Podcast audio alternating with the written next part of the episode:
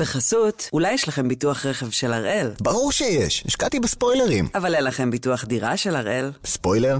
אני הולך לעשות ביטוח דירה. כפוף לתנאי החיתום של החברה ולתנאי הפוליסה וסייגיה. היום יום ראשון, 13 בפברואר, ואנחנו אחד ביום, מבית N12.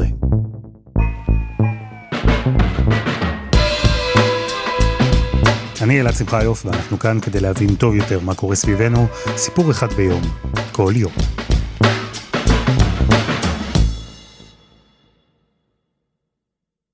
בסוף חודש אוקטובר דיברנו כאן על משבר שרשראות האספקה, על הפקק שנוצר בנמלים בעולם, על אוניות שמחכות בתור ארוך ארוך לפרוק סחורה. זה מעגל כזה, שעובר בים, מגיע ליבשה, בסוף הוא גם מגיע למחיר של המיקרו או מכונת הכביסה.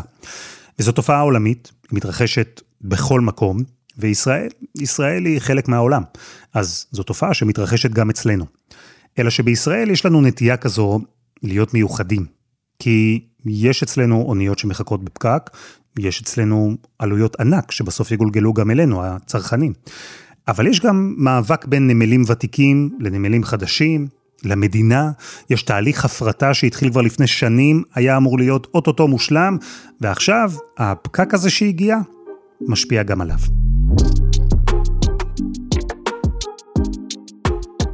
אז הפעם אנחנו עם הקרב על נמלי הים בישראל. יוסי מזרחי יספר לנו איך שורה של משברים הצטלבו להם ביחד, איך קרה שדווקא אל מול החופים שלנו, משבר עולמי קיבל טוויסט כחול לבן. יוסי, שלום. אהלן אלעד. תגיד, רואים את זה בעיניים? כן, רואים את זה בוודאי, גם באשדוד, בעיקר בחיפה. אם אתה עולה לכרמל ואתה מסתכל קצת על האופק, אז פעם היית רואה הרבה כחול. עכשיו רואים ברקע גם את אסדת הגז, אבל הנוף שמלווה אותנו כבר אה, שבועות ארוכים, זה נוף של פקק ימי. אתה רואה פשוט עשרות אוניות, אני חושב שהשיא היה 59 אם אני לא טועה, אוניות אחת אחרי השנייה פשוט עומדות שם, מיטלטלות מצד לצד ומחכות. מה זה אומר, הפקק הזה כלומר?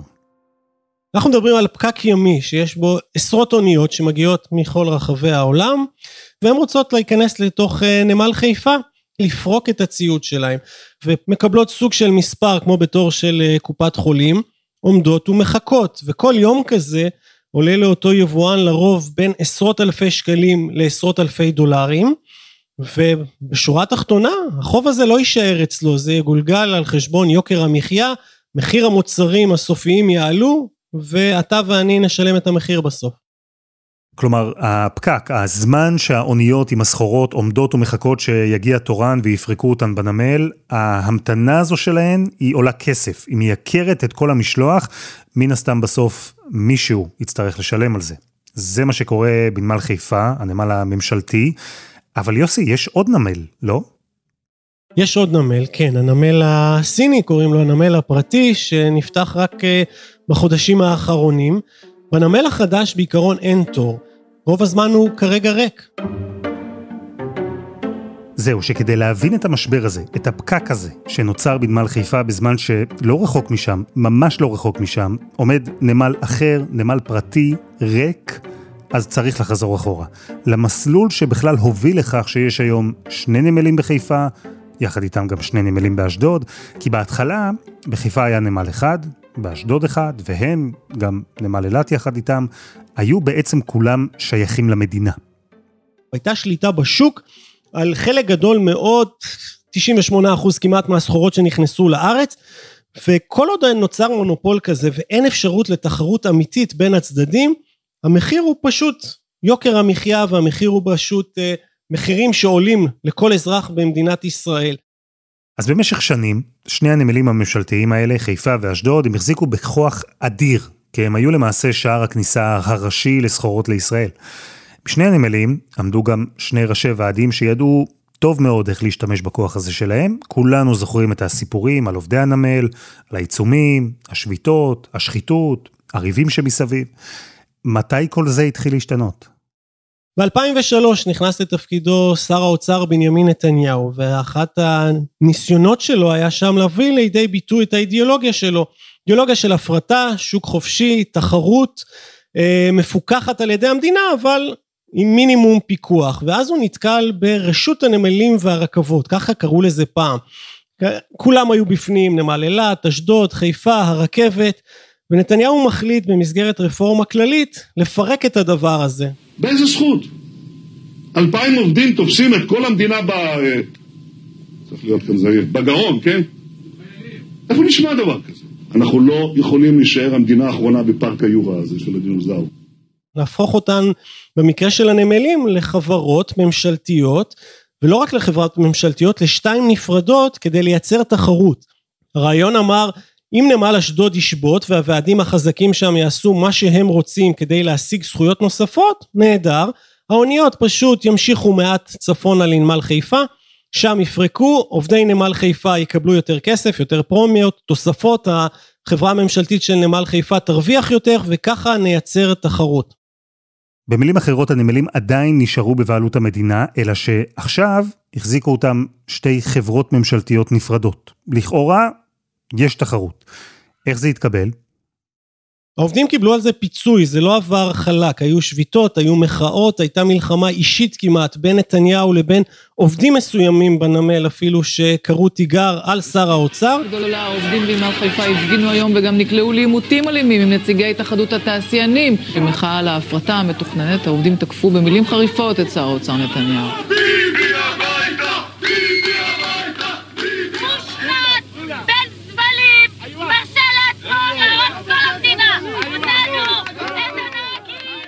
אבל לבסוף זה יצא לדרך. התוכנית הזאת בפירוש תשנה את הכלכלה והחברה בישראל. מישהו אמר, יהיה פה שינוי? כן, יהיה פה שינוי. חייב להיות פה שינוי. אז שר האוצר נתניהו ניהל קרב במסגרת הרפורמה של 2003, הוא פירק את רשות הנמלים לחברות נפרדות. אבל לצד השינוי המבני הזה, לא באמת בא שינוי ביחסי הכוחות. ועדי העובדים עדיין היו מאוד חזקים, מאוד דומיננטיים. אז הרפורמה הזו של 2003, בעיניים של מי שרצה להחליש את הוועדים, לא הושלמה. ויוסי, מה בעצם השלב הבא? הנקודה הבאה שאנחנו מגיעים אליה, נגיע כבר ל-2013, 2014, עשור קדימה, ועדיין לא הרבה השתנה. הפעם שר התחבורה קוראים לו ישראל כץ, הוא מכנה את עצמו הבולדוזר, ואחת המטרות שלו הייתה לשים סוף להפקרות בנמלים ולאותה תופעה שנתניהו והרבה לפניו זיהו עוד קודם. הוא רצה בשורה התחתונה להצליח אה, לשנות את נהלי העבודה בנמלים, לגרום לפחות לחץ והשפעה של ההסתדרות והוועדים, עבודה עם תחרות חופשית, יכולת לתת שירות לכל הספקים, היבואנים, הורדת יוקר המחיה, אז מה עושים אם לא מצליחים לנצח את הוועדים? לא נלחמים, פשוט ישראל כץ שרטט לעצמו מסלול עוקף ועדים. איך נעקוף אותם? נפתח נמלים חדשים. קיבלנו שני נמלים בחיפה ואשדוד מול הנמלים הקיימים לצידם, גם ייבנו וגם יופעלו על ידי יזמים פרטיים. תהיה כאן תחרות בין הנמלים בכל עיר ועיר. המשק הישראלי ירוויח, הציבור הישראלי ירוויח, והעיקר אנחנו נפסיד. ישראל כץ אמר בוא נלך בגדול יותר, נפתח שני נמלים חדשים ולא סתם נפתח, איפה נשים אותם? פשוט צמוד לנמל הממשלתי הישן. אחד באשדוד, אחד בחיפה, נציע את זה לגופים, ארגונים, חברות שונות בעולם שיבואו, ישימו כסף, יפתחו בעצמם, ובתמורה אנחנו ניתן להם להפעיל את הנמל הזה 25 שנים קדימה. הרעיון היה תחרות. אם נמל חיפה ואפילו נמל אשדוד הישנים הממשלתיים ביחד ישבתו, הנמלים החדשים הפרטיים ירוויחו הרבה יותר, הציבור לא ייפגע, יוקר המחיה ירד עד כמה שאפשר ובשורה התחתונה תחרות, שוק חופשי. אבל היו לו אויבים. באשדוד יושב ראש הוועד היה אלון חסן המיתולוגי. ואני נוסע לתחנת משטרת אשדוד להגיש תלונה נגד השר ישראל כץ על הסתה פרועה שהוא מסית כנגד עובדי הנמלים בכלל וכנגדי בפרט. בואו לא נשכח שנרצח כבר אה, אה, ראש ממשלה במדינת ישראל ואני מאמין שעם המשך ההתבטאויות האלה יכול להיגרם אה, עוד רצח. זה אותו אלון חסן, יושב ראש ועד העובדים, שכבר מזמן לא דואג רק לכלל העובדים, אלא דואג לו עצמו עם חברות קש שהוא הפעיל, עם... בנמל חיפה חיכה לו אויב אחר לא פחות קשה. בשם מאיר תורג'מן. השר שנמצא אצלך באולפן מסית יחד עם השר בנט כנגד עובדי הנמלים, ואחד מהם אף מגדיל ואומר שצריך להדביר את עובדי הנמלים והוא לא מודח מממשלת ישראל. שאמר תורג'מן, שעכשיו מתייפף, זה בסדר גמור, אמר אנחנו נכופף את האוצר, אנחנו נכניע, לא יהיה נמל פרטי, אז אני מודיע לו וליושב ראש ההסתדרות שנלקח על ידם בשבי. ש, שיהיו שני נמלים פרטיים. אתה תצטרך להתחרות בנמל הפרטי. והם לא היו מוכנים לעשות כמעט ואף צעד קדימה לקראת המדינה, אלא אם יפצו אותם. וגם הפעם הגיעו לסוג של הבנה שאי אפשר יהיה לנצח את הוועדים. כלומר, ישראל כץ מצד אחד רצה להקים נמלים פרטיים, אחד בחיפה ואחד באשדוד, לצד הנמלים הממשלתיים, כדי לייצר תחרות, להחליש בין היתר גם את ועדי העובדים שם. אז מה, היוזמה הזו, אה, איך נאמר, לא עברה חלק? היה מאבק יצרי מאוד, כן, זה היה מאבק עם הרבה מאוד כסף, הרבה מאוד אינטרסים, גם אינטרסים מפלגתיים, כי בסוף החברות הממשלתיות האלו, הנמלים הכניסו פנימה גם לדירקטוריונים וגם להנהלה, נציגים של מפלגות שונות, דגש על הליכוד שהייתה המפלגה השלטת והחזקה יותר, וכל האינטרסים התערבבו בפנים, רצון לדאוג לקרובי משפחה שיעבדו גם כן ופתאום זה הולך לאיבוד. בנמל אשדוד, רק לסבר את האוזן, אה, הוא היה שיאן, הוא היה הנמל המשפחתי ביותר, בתקופה מסוימת 44% מעובדי הנמל, היה להם קרוב משפחה, גם הוא בנמל, וזה היה חריג מאוד, זה הרעיון היה שהניסיון היה לשבור את התופעה הזאת על ועדי עובדים ששלטו בחברה הממשלתית ודרכם שלטו גם במשרד התחבורה או בשער הכניסה הראשי למדינת ישראל, נזכיר 98% מהסחר למדינת ישראל הוא מגיע משם, מהנמלים. אין ספק שהיו תופעות פסולות, אנחנו ראינו שוועדי העובדים ניצלו את הכוח שלהם, בטח האנשים שעמדו בראש. אבל מצד שני, גם את זה צריך לומר, המדינה לא רצתה, לא הייתה גם יכולה לרסק את הנמלים ככה שמאות ואולי אלפי אנשים יישארו מחוסרי עבודה. אז איך כל הדבר הזה התנהל? היה משא ומתן? אז קודם כל לא ממש היה משא ומתן, כי ישראל כץ וגם אה, נציגים נוספים בממשלה הגיעו למסקנה שאי אפשר יהיה לנהל משא ומתן עם הוועדים ועם הנמלים הישנים כבר בתחילת הדרך, אלא הרצון היה פשוט לקבוע עובדה. ישראל כץ צוטט אז בעבר כשהוא אמר אני ממליץ ליושבי ראש הוועדים שיקנו משקפת כי רק כך הם יוכלו לראות את הנמל אני אוציא אותם מפה. איך עושים את זה? קודם כל הוצאת מכרז, פנייה לגופים בינלאומיים, תשתתפו במכרז על נמלים חדשים, אנחנו נקים נמלים חדשים ולקראת סיום התקופה של הקמת הנמלים ממש ב... אנחנו מדברים על השנתיים, שנתיים וחצי האחרונות, החל משא ומתן מואץ עם הוועדים כדי לראות איך אפשר לשלב אותם במסגרת התחרותית. לאפשר לנמלים הישנים אה, לעבור הפרטה, להימכר, ליצור מצב שהם יוכלו באמת להתחרות מול הנמלים החדשים, גם בכוח האדם, ביכולת התפעול, ושלא פשוט יקרסו ואז המדינה תפסיד מהצד הזה. ובאותה ישורת אחרונה, כשכבר היה ברור שיוקמו נמלים פרטיים, כשסוף סוף התחיל משא ומתן בין המדינה לבין ועדי העובדים, לכולם היה ברור שהנמלים הממשלתיים צריכים לעבור גם שינוי כדי להצליח להתחרות באותם נמלים חדשים פרטיים. אז על מה דובר בשיחות? מה בעצם העובדים רצו? במסגרת המשא ומתן הדרישות היו, נחלק אותן לשתיים. דרישות כלכליות, כסף, פיצוי, קודם כל לאפשר למבוגרים שבחבורה, העובדים הוותיקים, לפרוש בתנאים מועדפים, תנאים נהדרים, חלק מהם באמת אה, העדיפו לפרוש, היו להם עוד דרישות כמו אה, תוספות שכר, שמירה על הפנסיה, למעשה הם עוברים ב... להיות עובד חברה ממשלתית לחברה פרטית לגמרי. והחשש היה שכל ההטבות שהם זכו להם לאורך השנים פשוט ייעלמו. ומעבר לזה היה גם את העניין התשתיתי, זאת אומרת נאפשר לנמלים הישנים להתמודד עם החבר החדש שבה נמל חדש מושקע, באחד המקרים הוא סיני, חשמלי, דיגיטלי, הכל שם עובד אחרת עם כמות כוח אדם שהיא בערך עשירית מהנמל הקיים, נמל חדש עם אה, רציפים, מזח למעשה מאוד אה, נמוך, מה שמאפשר כניסה של אוניות גדולות, כבדות עם הרבה יותר מכולות. והרצון היה להבדיל ממכרזים אחרים או ניסיונות אחרים לתת הגנות ינוקה, זה נקרא ברמה המשפטית, להגן על התינוק החדש שנכנס למלחמה או לתחרות בשוק. פה נתנו סוג של הגנת קשישה, דווקא על המבוגרים, על הנמלים, בוא נגן עליהם, גם בשביל העובדים, גם במסגרת משא ומתן מול ההסתדרות, וגם כדי שאנחנו, מדינת ישראל, נצליח לבסוף למכור את הנמלים האלו במסגרת הפרטה תמורת משהו, כי היה ברור שאם הם יישארו במסגרת הקודמת, אם כמות העובדים בעבר, אם התשתית הישנה, לא הרבה יקפצו על המציאה ואז המדינה תפסיד מהצד השני. נזכיר שכל הזמן מסביב מתנהל מכרז על מכירת הנמל לגורמים פרטיים והחשש של מדינת ישראל שעימות עכשיו, שביתה, מחאה או כל שינוי במצב הנוכחי גם ברמה התדמיתית יכול להבריח את הקונים הפוטנציאליים. אז המדינה אמנם קידמה הקמה של שני נמלים פרטיים, אבל במקביל היא רצתה לשמור על יתרון מסוים לנמלים הוותיקים, כי הם בבעלותה, היא צריכה אותם חזקים כדי גם למכור אותם אחר כך.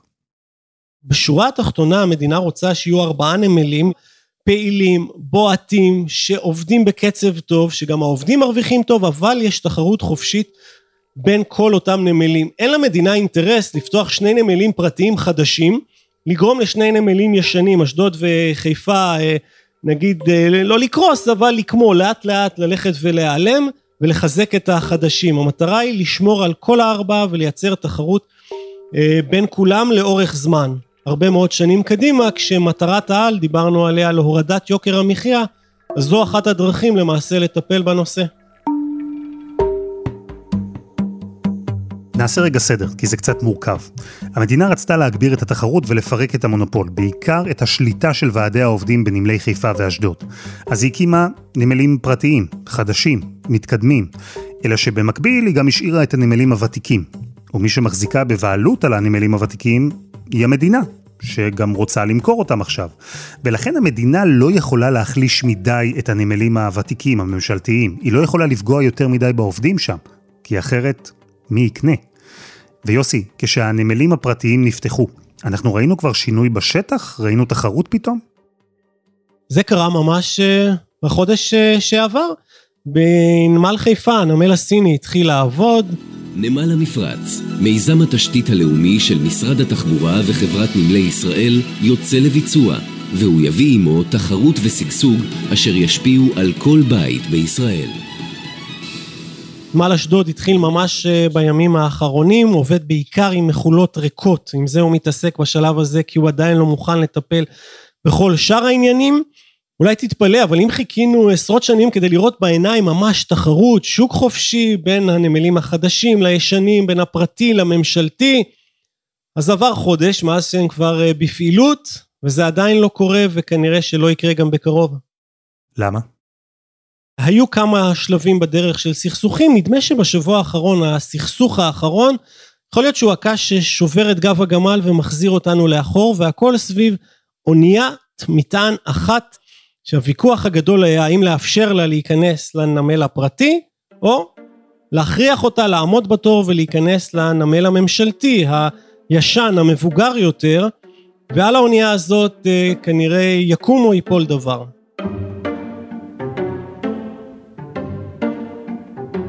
הכל יתנקז למשבר שאנחנו חווים עכשיו, אבל קודם חסות אחת וממש מיד חוזרים.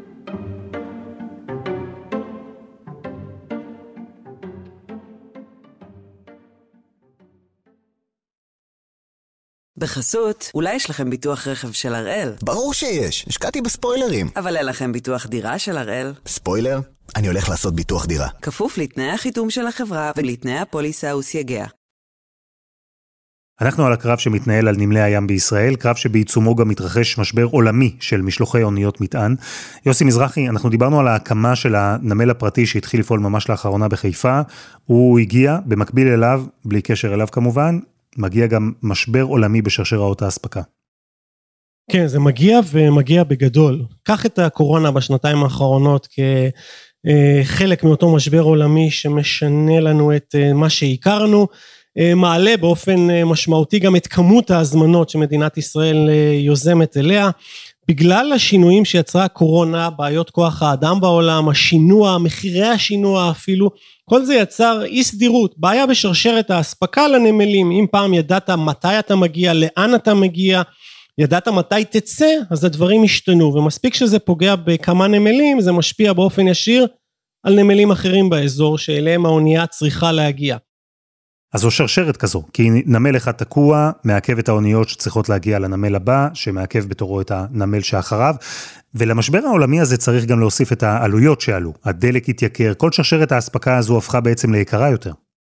עלות של הובלת מכולה אחת לישראל הגיעה למשהו כמו 16 אלף דולר, והסכום הוא מאוד גבוה. אז מה עושים חלק מהיבואנים כדי uh, להוריד את המחיר הזה, לחסוך בעלויות? הם מחליטים להביא את אותו הדבר, אותו מוצר, אבל לשים את זה באונייה אחרת, באוניית מטען, מטען פתוח, מטען כללי, כך הוא מוגדר בנמל, ואז כמות האוניות שמגיעות עם מטען כללי למדינת ישראל בפרט, הוא הרבה יותר גדול. האם יש לנו יכולת לפרוק אותם באותה, אה, באותו קצב, באותה רמה כמו שהיה קודם? ממש לא, וזה מתווסף על הפקק ועל הבעיות העולמיות. נפתח רגע סוגריים, אנחנו מאוד אוהבים לפתוח כאן סוגריים. את האוניות שמגיעות לנמלים צריך לחלק לשני סוגים. יש אוניות שנושאות מכולות, קונטיינרים ענקיים מלאים בסחורות. זה סוג אחד של משלוח ימי, סוג שהוא די פשוט לפריקה. מעלים את המכולה מהאונייה, מניחים אותה על משאית והיא יוצאת לדרך. ההובלה של מכולות הפכה לאחרונה לסיפור יקר יותר ממה שהוא היה בעבר. ולכן הרבה יבואנים עברו עכשיו לסוג השני של משלוח ימי, מטען כללי.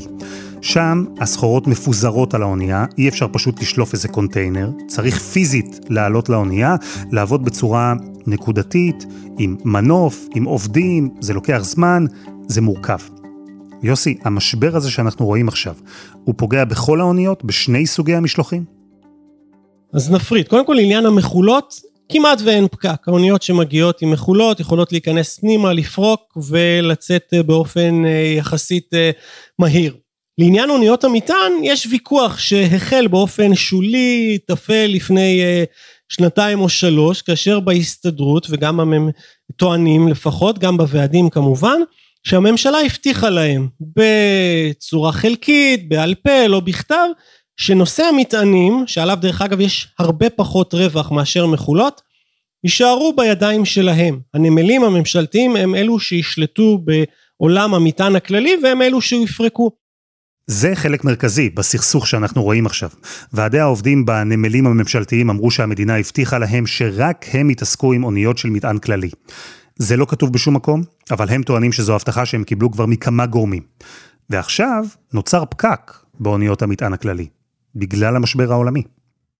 בנמל חיפה יספרו בחודשים האחרונים הם הביאו לפחות 50 עובדים זמניים כדי לנסות ולהתמודד עם זה. הם אה, הקצו רציפים שיעסקו אך ורק במטען כללי כדי לעמוד בקצב ולאפשר את אה, קצב פריקת האוניות ולא ליצור פקק. אבל יחד עם זאת כל השינויים מסביב גרמו לתור ארוך מאוד והתור הזה אומר ברמה ההגיונית שצריך לשלוח גם כמה אוניות, חלק מהן לפחות, לנמל הפרטי שיכול להתעסק בזה ויכול לעזור ולצמצם את משך הזמן, להוריד את יוקר המחיה ולשחרר את האוניות לדרכן, ועל זה קם הוויכוח, האם להכניס אוניית מטען כללי לנמל פרטי, או לנסות ולהגיע לסוג של הסדר עם הוועדים והנמלים שטוענים מטען כללי זה רק שלנו. הנמל החדש, זה שמופעל אוטומטית על ידי רובוטים ומחשבים, הוא בכלל יכול להתמודד עם אוניות מטען כללי? כי אמרנו, זה מצריך עובדים, מנופים, זה סיפור מורכב. הוא לא כיוון לשם, בנמל החדש הסיני הם חשבו להתעסק אך ורק עם מכולות. והם כיוונו לשם. ברגע שהם ראו את התור הגדול של המטען הכללי, לטענתם הם גם קיבלו פניות מהממשלה, גם ממשרד התחבורה. בואו תעזרו לנו, למדינת ישראל, לצמצם את התור הזה, להוריד את העלויות שלהם, להוריד את יוקר המחיה פה, בואו נפתור את העניין הזה כמה שיותר מהר. וזו הסיבה שהם הסכימו לקבל אוניית מטען, וזה גם מה שהצית את האש עם. הצד השני, עם השכן שלהם מהנמל הממשלתי.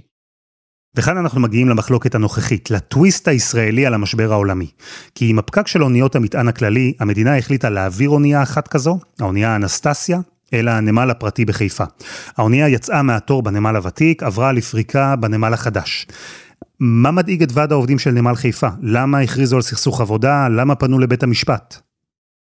עובדי נמל חיפה הוותיק קודם כל רואים איזה סוג של כרסום בין העולם שהם הכירו בעבר לבין מה שהם מגיעים אליו היום. כרסום אמנם איטי לאורך שנים, הם התרגלו לתנאים מסוימים.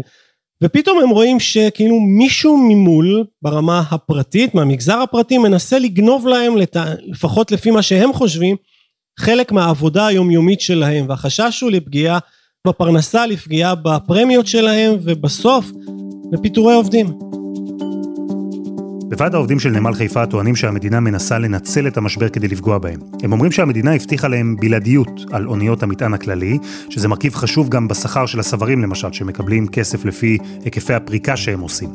ועכשיו, בחסות המשבר העולמי, בחסות הפקק הזה שנוצר, המדינה לטענתם מעבירה את הטיפול באוניות האלה גם לנמל הפרטי והמתקדם יותר. והם אומרים שאם זה ימשיך, אז הנמל הממשלתי לא באמת יוכל להתחרות, היתרון שלו ייעלם. המדינה תגיד שהיא בסך הכל רוצה לטפל נקודתית בפקק. ויש גם מי שיטען שהנה, שוב אנחנו רואים את ועדי העובדים מנצלים את הכוח שלהם, מנסים לעשות שרירים. ואמרנו, המצב הוא מצב מורכב, כי נמל חיפה עומד בפני הפרטה.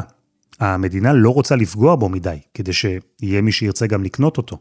אז יוסי, אני חייב להודות שאני קצת מבולבל. כי מצד אחד אנחנו עדים לתחרות, כמו שנתניהו, כמו שישראל כץ, רצו ודמיינו, יש נמל פרטי, הוא מאיים על הנמל הממשלתי, דוחף אותו להתחרות גם באוניות עם מטענים כלליים.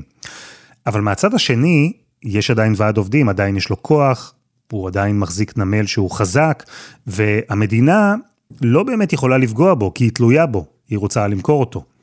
אז לאן כל המשבר הזה ייקח אותנו? להערכתי הצנועה, האירוע הזה יקדם את התחרות, וזה ככל הנראה אחד הסכסוכים האחרונים שהוועדים והנמלים הוותיקים הממשלתיים עוד יכולים אה, לנהל, סוג של שירת הסירנה מצד אחד, אז העתיד לטעמי הוא אופטימי, כי ברגע שהמכרז הזה יצא לפועל, התחרות תהיה בין גורמים פרטיים שונים, עם המדינה כרגולטור קטן בצד ולא כמעסיקה מעורבת. אבל עדיין אלעד אם נסתכל אחורה ודיברנו כבר על תחילת ההפגנות בשנות ה-70 וה-80 ועל נתניהו נלחם בוועדים של הנמלים ב-2003 ותראה לאן הגענו אנחנו מדברים עשרות שנים קדימה כמה עשרות שנים היינו צריכים לחכות וכמה נמלים בשווי של מיליארדים היה צריך להקים רק כדי לעקוף את העבודה המאורגנת ולנסות ליצור תחרות בשוק זה המון זמן המון כסף ו...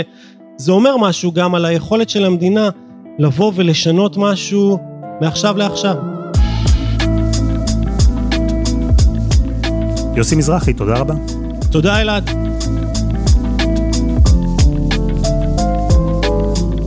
וזה היה אחד ביום, של N12. אם אתם רוצים לשמוע יותר על הנסיבות שהובילו למשבר שרשראות האספקה בעולם, אז דיברנו על זה ב-27 באוקטובר, עליית מחירי הדלק ומשבר האספקה העולמי, כך קראנו אז לפרק. העורך שלנו הוא רום אטיק, תחקיר והפקה דני נודלמן, רוני ארניב ועדי חצרוני, על הסאונד יאיר בשן שגם יצר את מוזיקת הפתיחה שלנו, ואני אלעד שמחיוף.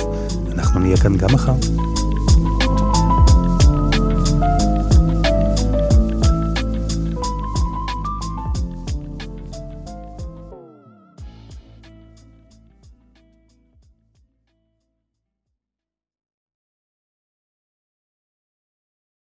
בחסות, אולי יש לכם ביטוח רכב של הראל? ברור שיש, השקעתי בספוילרים. אבל אין לכם ביטוח דירה של הראל? ספוילר?